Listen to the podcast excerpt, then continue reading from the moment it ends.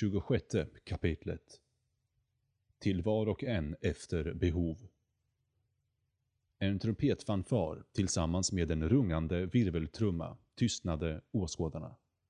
Konferencieren lyfte fram sina armar mot publiken. Ni föräldrar där ute har väntat länge nog på finalen. Ert barns tolvåriga vandring har nått sitt slut. Dags för examensspelet. Orgelmusik strömmade ut ur högtalarna och fyllde den stora hallen samtidigt som flera sidodörrar öppnades. Genom dörrarna paraderade studenter i examensmössor och långa svarta rockar. Publiken bröt ut i en ny omgång högljudda applåder, som då och då överröstades av enstaka rop och visslingar. Jonathan viskade till en kvinna som stod bredvid honom. Vad är examensspelet? Hon vände sig halvt om och svarade Det är en tävling för ungdomarna i våra allmänna skolor. Kvinnan tystnade kort för att lyssna på presentationerna, men fortsatte sedan. Med en kraftansträngning lyckades hon överrösta oväsendet. Det är kulmen på barnens formella utbildning. Fram tills nu har poängen med en formell utbildning varit att visa på vikten av hårt arbete och bra resultat i strävan efter kunskap. Ikväll hedrar vi de bästa studenterna för deras framgångar och utmärkta prestationer. Men det främsta priset, som inte har delats ut ännu, är avskedstrofén, som går till vinnaren av examensspelet. Jonathan kisade med ögonen och tyckte sig känna igen en tjock figur på scenen. Vem är det som hälsar på studenterna när de stiger fram? Men, det är Lady Best Tweed. Känner du inte igen henne från tidningarna? Hon är vår förträffliga talman. Som medlem av Lordernas råd och politikernas drottning är hon hedersgäst.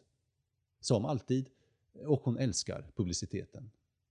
Hennes yrke är samtidigt det mest aktade och det minst respekterade på ön, så hon är perfekt för examensspelet. Hur går spelet till?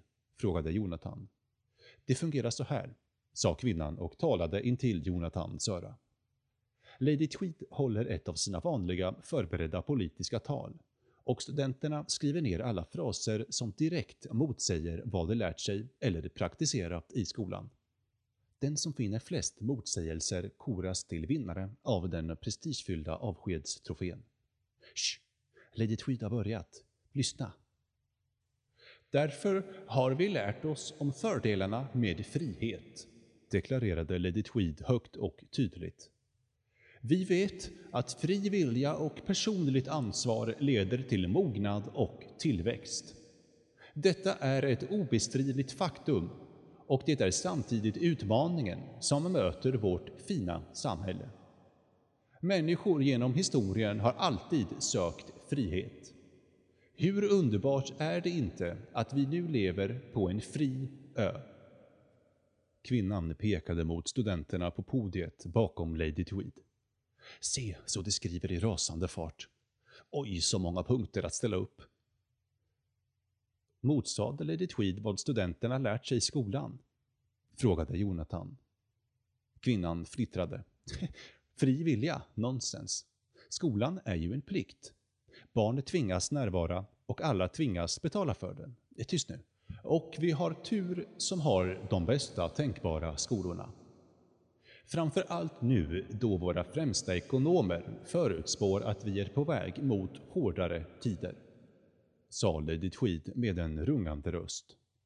Våra lärare är ideala förebilder för våra studenter och de lyser upp vägen mot demokrati och välstånd med sanningens och kunskapens lampa.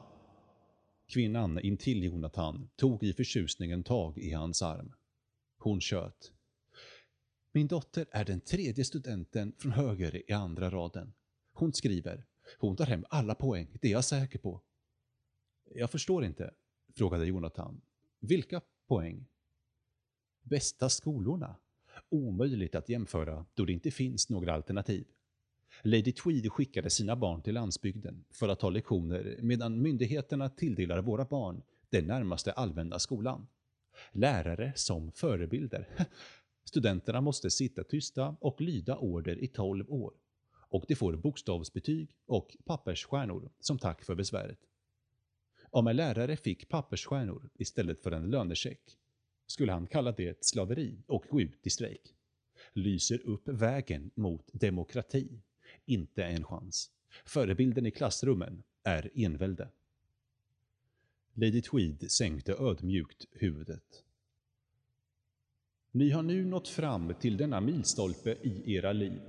Varenda en av oss inser att vår röst endast är en bland många i mänskligheternas kör. Vi vet att brutal konkurrens och en hänsynslös, girig kamp för att nå toppen inte har en plats i dagens värld. För oss är den finaste egenskapen offret. Offer inför andras behov. Offer till fördel för det stora flertalet som är mindre lyckosamma. Kvinnan nästan skrek av förtjusning. Se hur studenterna kämpar, vilken guldgruva av motsägelser. Mänskligheternas kör, offer. I skolan fick de alltid lära sig att göra sitt bästa och försöka vinna. Och Tweed själv, hon är ingen latmask. Hon är det bäst högljudda, mest krävande och skrupelfria av dem alla. Hon har lyckats slå sig fram till en ledande position med hjälp av alla smarta manöver du kan föreställa dig. Studenterna framme på scenen vet att de inte kommit så här långt genom att offra sina betyg för de inkompetenta studenterna omkring dem. Jonathan lyckades inte få någon rätsida på vad kvinnan sa. Menar du att i skolan får eleverna lära sig att göra sitt bästa och ändå vid examen säger Lady Tweed åt dem att offra sig själva för andras skull? Nu har du fattat, svarade kvinnan. Lady Tweed predikar om en förändrad värld för studenterna. Från var och en efter förmåga till var och en efter behov. Det är deras framtid. Varför kan de inte vara konsekventa och lära ut samma sak före och efter examen? Frågade Jonathan. Myndigheterna arbetar på det, sa kvinnan. Skolsystemet bygger på en gammalmodig tradition där högsta betyg ges för de bästa resultaten. Nästa år planerar de en genomgripande förändring av hela betygssystemet. De tänker införa incitament och belöningar som förbereder studenterna för den nya verkligheten. Betyg ska delas ut efter behov snarare än prestation. De sämsta studenterna får MVG och de bästa IG. Man menar att de sämsta studenterna har ett större behov av bra betyg än de bästa. Jonathan skakade på huvudet och upprepade hennes ord för att vara säker på att han hört rätt. De sämsta studenterna får MVG och de bästa IG. Precis, nickade hon. Men vad kommer hända med resultaten? Kommer inte alla försöka bli mer behövande och mindre dugliga? Vad som är viktigt, enligt Tweed, är att reformen innebär en modig humanistisk förändring. De bästa studenterna lär sig vikten av mänskligt offer och de sämsta studenterna instrueras i vikten av ett gott självförtroende. Skolbyråkrater har uppmanats att använda samma system vid befordring av lärare. Vad tyckte lärarna om det? frågade Jonathan. Vissa älskade förslaget, andra hatade det. Min dotter säger att de bästa lärarna hotade med att sluta om planen genomfördes. Till skillnad från studenterna har lärarna den lyxen. De kan välja, än så länge. 27 kapitlet Syndens lön När Jonathan lämnade amfiteaterns hurrande folkrop kände han sig alldeles bortkommen och gick på måfå längs en lång korridor. Vid slutet av korridoren satt en grupp människor på bänkar, alla med benen slagna i kedjor. Väntade dessa brottslingar på rättegång? undrade Jonathan för sig själv. Kanske fanns här någon ansvarig person som kunde hjälpa honom att få tillbaka de stulna pengarna. Till vänster om bänken fanns en dörr med en skylt skrivet Departementet för hårt arbete. Vid den bortre änden av bänken stod det några uniformerade vakter och samtalade tyst utan att ta notis om de passiva fångarna. Fångarnas kraftiga kedjor omintetgjorde all hopp om flykt. Jonathan närmade sig den första fången, en pojke på omkring tio år som inte alls såg ut som någon brottsling. Varför är du här? frågade Jonathan oskyldigt. Pojken tittade på Jonathan och sneglade sedan i smyg på vakterna innan han svarade. Det kom på mig att arbeta. Vad var det för slags arbete som fick dig att hamna här? Frågade Jonathan med ögonen vidöppna av förvåning. Jag fyllde på hyllorna hos Jacks järnhandel, svarade pojken. Han var på väg att säga något mer, men tvekade och tittade upp mot den gråhåriga mannen som satt bredvid honom. Jag anställde honom, sa Jack. En kraftig medelålders man med djup röst. Handelsmannen bar fortfarande det fläckiga förkläde som hörde till arbetet och fotjärn som kopplade samman honom med pojken. Grabben sa att han ville växa upp och bli som sin far, som är chef vid fabrikens varuhus. Inget kan vara mer naturligt, skulle man kunna tycka. Men fabriken lades ner och hans pappa hade svårt att hitta jobb. Så jag tänkte att om grabben fick arbeta skulle det vara bra för hans familj. Jag måste erkänna att det var lönande, även för mig. De stora butikerna höll på att konkurrera ut mig och jag var i behov av lite billig hjälp. Nåväl, nu är det slut på allt. Uppgivenheten spred sig över mannens ansikte. Med pipig röst tog den unga pojken till orda. I skolan betalade de aldrig mig för att läsa eller räkna matte. Jack gör det. Jag skötte inventeringen och bokföringen och Jack lovade att om jag skötte mig så skulle jag få sköta beställningarna. Så jag började läsa annonser och handelstidningar. Och jag träffade folk, inte bara ungarna i skolan. Jack befordrade mig och jag hjälpte min far med hyran.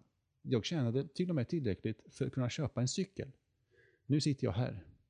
Hans röst klingade av då han vände blicken mot marken.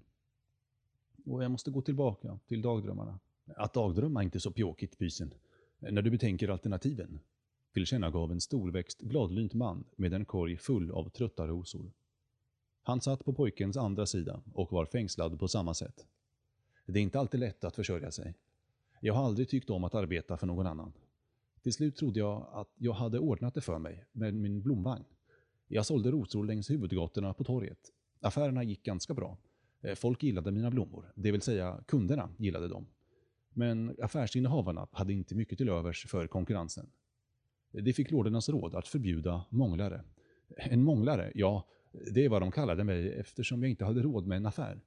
Annars skulle jag ha varit en affärsinnehavare eller handlare. Jag vill inte vara oförskämd Jack, men min typ av affärsrörelse fanns långt före din affär. Hur som, det sa att jag störde. Att jag var en sorglig syn, en lodis och nu en kriminell. Hur kan man få mig och mina blommor till det? Jag levde åtminstone inte av välgörenhet. Men du stod mitt på trottoaren och sålde, svarade Jack. Du måste lämna dem öppna för kunderna, så det blir lättare för dem att komma in i din affär. Äger du kunderna, Jack? Ja, visst. Jag stod på stadens mark. Den ska ju tillhöra alla, men det gör den inte. Eller hur, Jack? Den tillhör dem som lordernas råd favoriserar. Jonathan mindes fiskaren som hade sagt att om sjön tillhör alla, så tillhör den i själva verket ingen. Bortsett från lordernas vänner, förstås. Jack sa föraktfullt. Men du betalar inte de höga fastighetsskatter vi affärsinnehavare behöver betala. Vems fel är de höga skatterna? Inte mitt, invände månglaren irriterat. Jonathan bröt in med en fråga i hopp om att försöka lugna ner diskussionen. Så de grep er, bara så där? Oh, jag fick ett par varningar först, men jag är inte mycket för att dansa efter deras pipa. Vilka tror de att de är, mina herrar? Jag försöker arbeta för mig själv, inte åt någon nyfiken chef. Hur som helst, stadens djurpark är okej. Okay. Jag behöver inte arbeta. Jag får bostad och tre mål mat om dagen på affärsinnehavarnas bekostnad. Konstigt nog så tror fängelsedirektören att han gör mig en tjänst. Han säger att de ska rehabilitera mig, så att jag kan bidra till samhället. Han talar förstås om skatter, inte om blommor. Kanske behöver du bara göra samhällstjänst, muttrade Jack. Jag gjorde en samhällstjänst, svarade blomförsäljaren. Den unga pojken började snyfta. Tror du de skickar mig till djurparken också? Oroa dig inte grabben, tröstade blomförsäljaren. Om de gör det, då kommer du garanterat lära dig ett praktiskt yrke. Och inte ett som fängelsedirektören tänkt sig. Jonathan vände sig mot en grupp kvinnor i overaller som satt intill. Varför är ni här? Vi har en liten fiskebåt. Någon tjänsteman stoppade mig då jag lyfte några tunga lådor ner i hamnen, sa en medfaren kvinna med klarblå ögon. Han sa att jag bröt mot säkerhetsföreskrifterna. Hon pekade mot sina kamrater och tillade Föreskrifterna är tänkta att skydda oss mot övergrepp på arbetsplatsen. Myndigheterna har tvingat oss att stänga två gånger. Men vi smög oss tillbaka ner till hamnen för att ordna riggen inför den kommande säsongen. Det tog oss för tredje gången och sa att nu ska de se till att skydda oss ordentligt. Genom att sätta oss bakom galler. Kvinnan tänkte högt när hon sa Vad ska de göra med min son? Han är bara tre år och väger mer än de lådorna jag lyfte. Ingen klagade när jag bar runt på honom. Hon kämpade för att hålla tillbaka tårarna och tillade Nu får du hitta någon annan som kan bära runt på honom. Att hitta någon kommer inte bli enkelt, sa en man med vältrimmat skägg. Med armbågen petade han till mannen bredvid honom på bänken och sa George har arbetat deltid för mig två vintrar i rad, ungefär som en lärling. Han hjälper mig med att hålla min frisörsalong ren och förbereder kunderna. När jag försöker lära honom yrket fick vi problem eftersom han inte är medlem i skrået. Han kastade förtvivlat upp händerna i luften. Med sorgset ansikte beklagade sig unge George. I den här takten, och nu med straffregister, får jag aldrig min barberarlicens. 28 kapitlet Nya nykomlingar Så ni tycker att ni har problem? sa en arrogant kvinna. Uppenbarligen stressad över att vara fastkedjad med människor hon ansågs vara mindervärdiga. Kvinnan var på gränsen till tårar. Hon torkade ögonen med en fin vit linnenäsduk och sa När pressen får reda på att jag, fru Siv, har blivit arresterad kommer det att innebära slutet på min mans karriär. Jag trodde aldrig att det jag gjorde var fel. Vad skulle ni ha gjort? Tårögd slog fru Siv armarna om ett ungt par som satt fängslade jämte henne och fortsatte. För många år sedan hade jag ett stort hem, tre barn som gick i de finaste skolorna och själv ville jag återuppta min karriär. Min granne reste mycket och jag bad honom hålla utkik efter folk som kunde hjälpa mig med hemarbetet. Han rekommenderade Gio och Char och jag anställde dem på stående fot. Char har en underbar hand med trädgården och vagnen. Hon fixar allt med huset och sköter alla ärenden. Och Gio, en sån älskling, han har räddat mitt liv. Han har otroliga hand med barnen och han finns alltid där när jag behöver honom. Han lagar mat, klipper hår, städar, ordnar med tusen och en sysslor bättre än jag någonsin kunnat. Mina pojkar är tokiga i hans kakor. När jag kommer hem kan jag bara slappna av tillsammans med min man och leka med barnen. Låter som hemhjälp alla skulle älska att ha, sa Jonathan. Men vad gick fel? Allt var bra i början. Sedan blev min man utsedd till chef för departementet för den goda viljan. Ja, hans motståndare gick igenom våra räkenskaper och fann att vi aldrig betalat pensionsskatter för Gio och Char. Varför inte? frågade Jonathan. Vi kunde inte på den tiden. Skatterna var höga och mina inkomster låga till en början. Så vi hade helt enkelt aldrig haft råd att anställa dem om vi hade betalat skatten. Dessutom har Gio och Char ändå inte rätt till någon försäkring. Gio tittade upp och sa Rapporten är mycket problem för oss. Hans fru puttade till honom och sa Var försiktig Gio, stor risk. Tappert svarade Gio sin hustru. Frun hjälpte oss. Vi hjälpte henne nu. Och till fru Siv sa han Ni räddar vårt liv. Vi kommer från El Samadore, vår hemö. Stor hunger, stort krig. Vi har inget val, fly, hunger eller dö. Därför vi kom till Korumpe. Utan fru Siv, vi döda. Sant, sa Char med mjuk röst. Nu ledsna, vi skapar frun problem. Fru Siv suckade tungt och sa Min man kommer inte få jobbet vid departementet för den goda viljan. Och han kanske även förlorar sitt gamla arbete. Han har varit chef för kommissionen för Korumpe först, som främjar den nationella stoltheten. Hans fiender kommer kalla honom hycklare. Hycklare? frågade Jonathan. Ja, kommissionen för Korumpe först motarbetar nya nykomlingar. Nya nykomlingar, upprepade Jonathan. Vilka är de gamla nykomlingarna? De gamla nykomlingarna, det är alla vi, sa fru Siv. Korumpe är en ö och under årens lopp har alla våra förfäder kommit hit som nykomlingar någonstans ifrån. Antingen har de flytt förtryck, eller så har de rätt och slätt velat skapa sig ett bättre liv. Men nya nykomlingar är de som kommit nyligen. De är förbjudna enligt dra upp stegen-lagen. Jonathan svalde obekvämt. Han vågade inte tänka på vad som skulle hända om myndigheterna kom på att han också var en ny nykomling. Jonathan försökte låta ointresserad när han frågade varför vill de inte ha nya nykomlingar? Fiskarkvinnan avbröt. Nya nykomlingar tillåts om de gör av med pengar och åker hem på en gång, som turister eller affärsmän.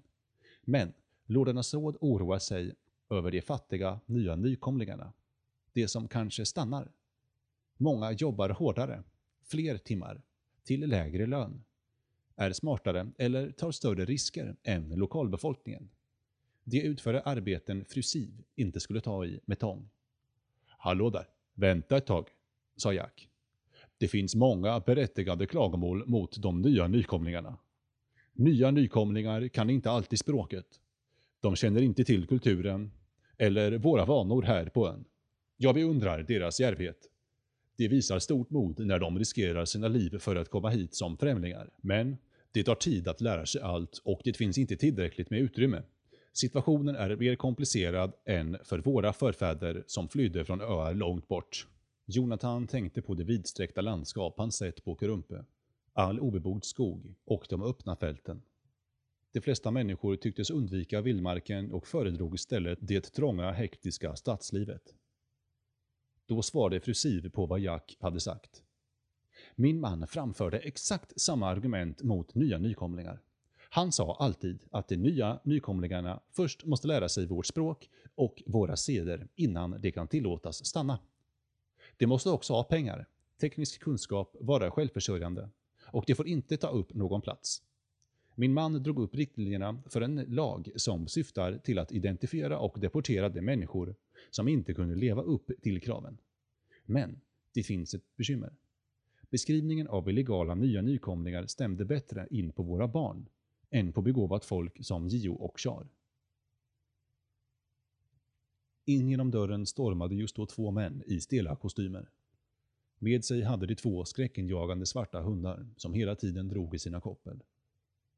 De gick direkt fram till fru Siv, som sjönk ihop av skräck inför hundarnas tunga andhämtning och deras dreglande huggtänder. En av dem tecknade åt vakterna att låsa upp hennes fotbojor. Med en djupt monoton röst läste han från ett papper. Bästa fru Siv, vi belagar... Han stannade upp och visade pappret för den andra mannen, viskade, sedan började han om.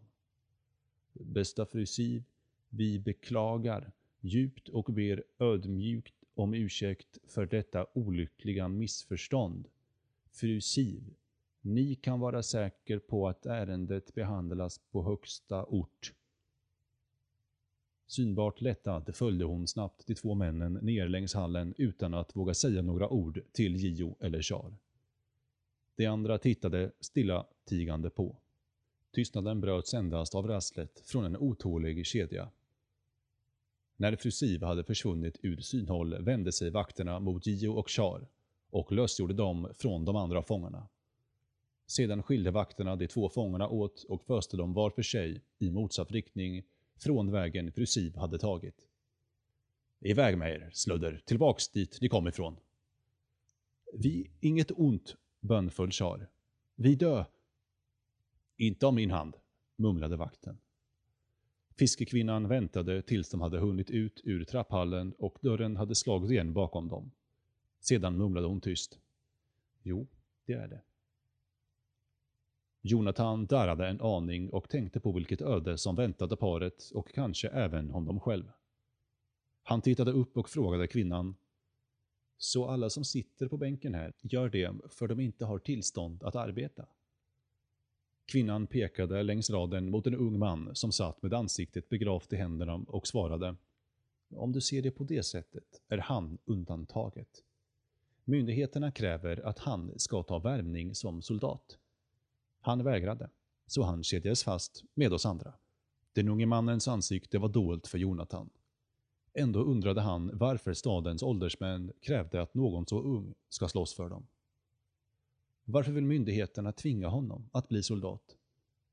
Fiskekvinnan svarade Jonathan direkt. Det säger att det är det enda sättet att försvara vårt fria samhälle. Hennes ord ekade tillsammans med kedjornas metalliska ljud i Jonathans öron. Skydda från vem? svarade Jonathan. Från det som skulle slå oss i bojor, svarade kvinnan argt. 29 kapitlet Bus eller godis Med sorg i hjärtat och inte så lite rädsla, han var ju trots allt en ovälkommen ny nykomling, fortsatte Jonathan vandringen genom lordernas palats. Ett palats med fler rum och salar än en labyrint. Jonathan började ana lukten av något utsökt. Kaffe och nybakat bröd. Han lät nästan leda honom vidare och strax kom han fram till en stor möteshall, där ett flertal äldre män och kvinnor var inbegripna i en diskussion. De argumenterade och hötte med nävarna i ilska. Några höll varandra i handen medan de grät. Vad har hänt? frågade Jonathan med ena ögat åt en enorm korg som stod i mitten av hallen. Den nådde nästan upp till taket. Varför är ni så upprörda? De flesta brydde sig inte om honom, utan fortsatte stöna och beklaga sig för varandra. Men en allvarlig man ställde sig sakta upp och gick fram till Jonathan. Den där uppblåsta lorden, knotade han. Han har gjort det igen. Han lurade oss. Vad har han gjort? frågade Jonathan.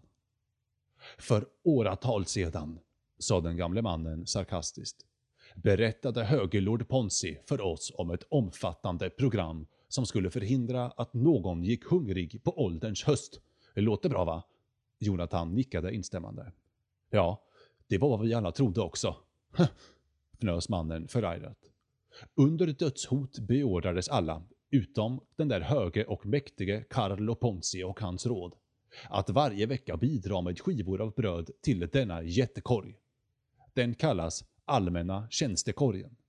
De som fyllt 65 år och pensionerat sig kunde börja ta bröd ur Allmänna tjänstekorgen. Alla utom Lord Ponzi och hans råd bidrog, upprepade Jonathan. Ja, för dem gällde speciella regler, svarade den gamle mannen. Vi var tvungna att lägga mer av vårt bröd i en separat korg reserverad för endast dem.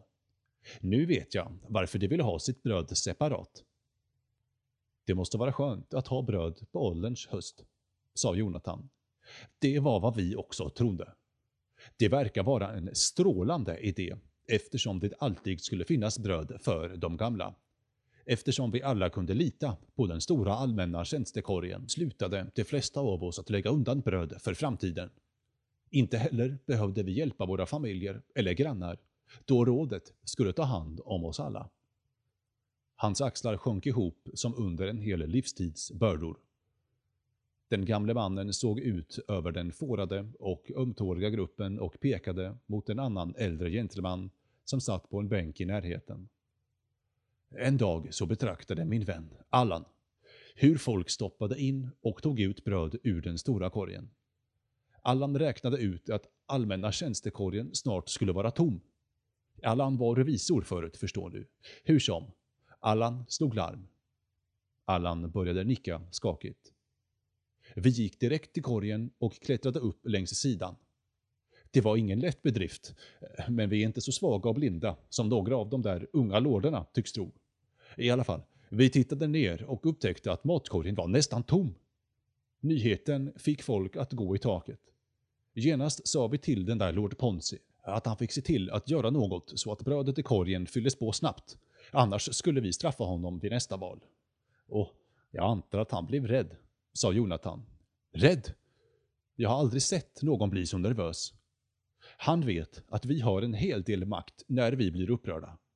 Först föreslog han att ge äldre ännu mera bröd, med början direkt före nästa val. Sedan skulle han ta mer bröd från de yngre arbetande människorna med början direkt efter nästa val. Men arbetarna genomskådade hans plan och de blev också arga. De yngre arbetarna sa att de ville ha bröd nu. De sa att deras egna förråd erbjöd ett bättre skydd mot mögel och råttor än rådets stora korg. Och de litar inte på att lorderna ska låta brödet vara tills de pensionerar sig. Vad gjorde han då? frågade Jonathan. Den där Ponzi har alltid något nytt att komma med. Då föreslog han att alla skulle kunna vänta ytterligare fem år, tills de blev 70 år, innan de kunde börja ta brödet från korgen. Men förslaget upprörde dem som var nära pensioneringen och som hade väntat sig bröd efter 65, så som utlovat från början. Slutligen kom Ponsi på en ny, briljant idé. I sista sekunden, utropade Jonathan. I sista sekunden före valdagen. Ponsi lovade alla allting. Han skulle ge mer till de gamla och ta mindre från de unga. Perfekt. Lova mer för mindre och alla blir lyckliga. Den gamle mannen stannade upp för att se om Jonathan hade förstått. Haken är att skivorna blir lite mindre för varje år. Ja, brödskivorna lär bli så små att vi kommer att kunna äta en måltid bestående av hundratals skivor och ändå vara hungriga. Satans skurkar! utbrast Allan. När de där skivorna är slut antar jag att de kommer trycka upp bilder på bröd att mata oss med.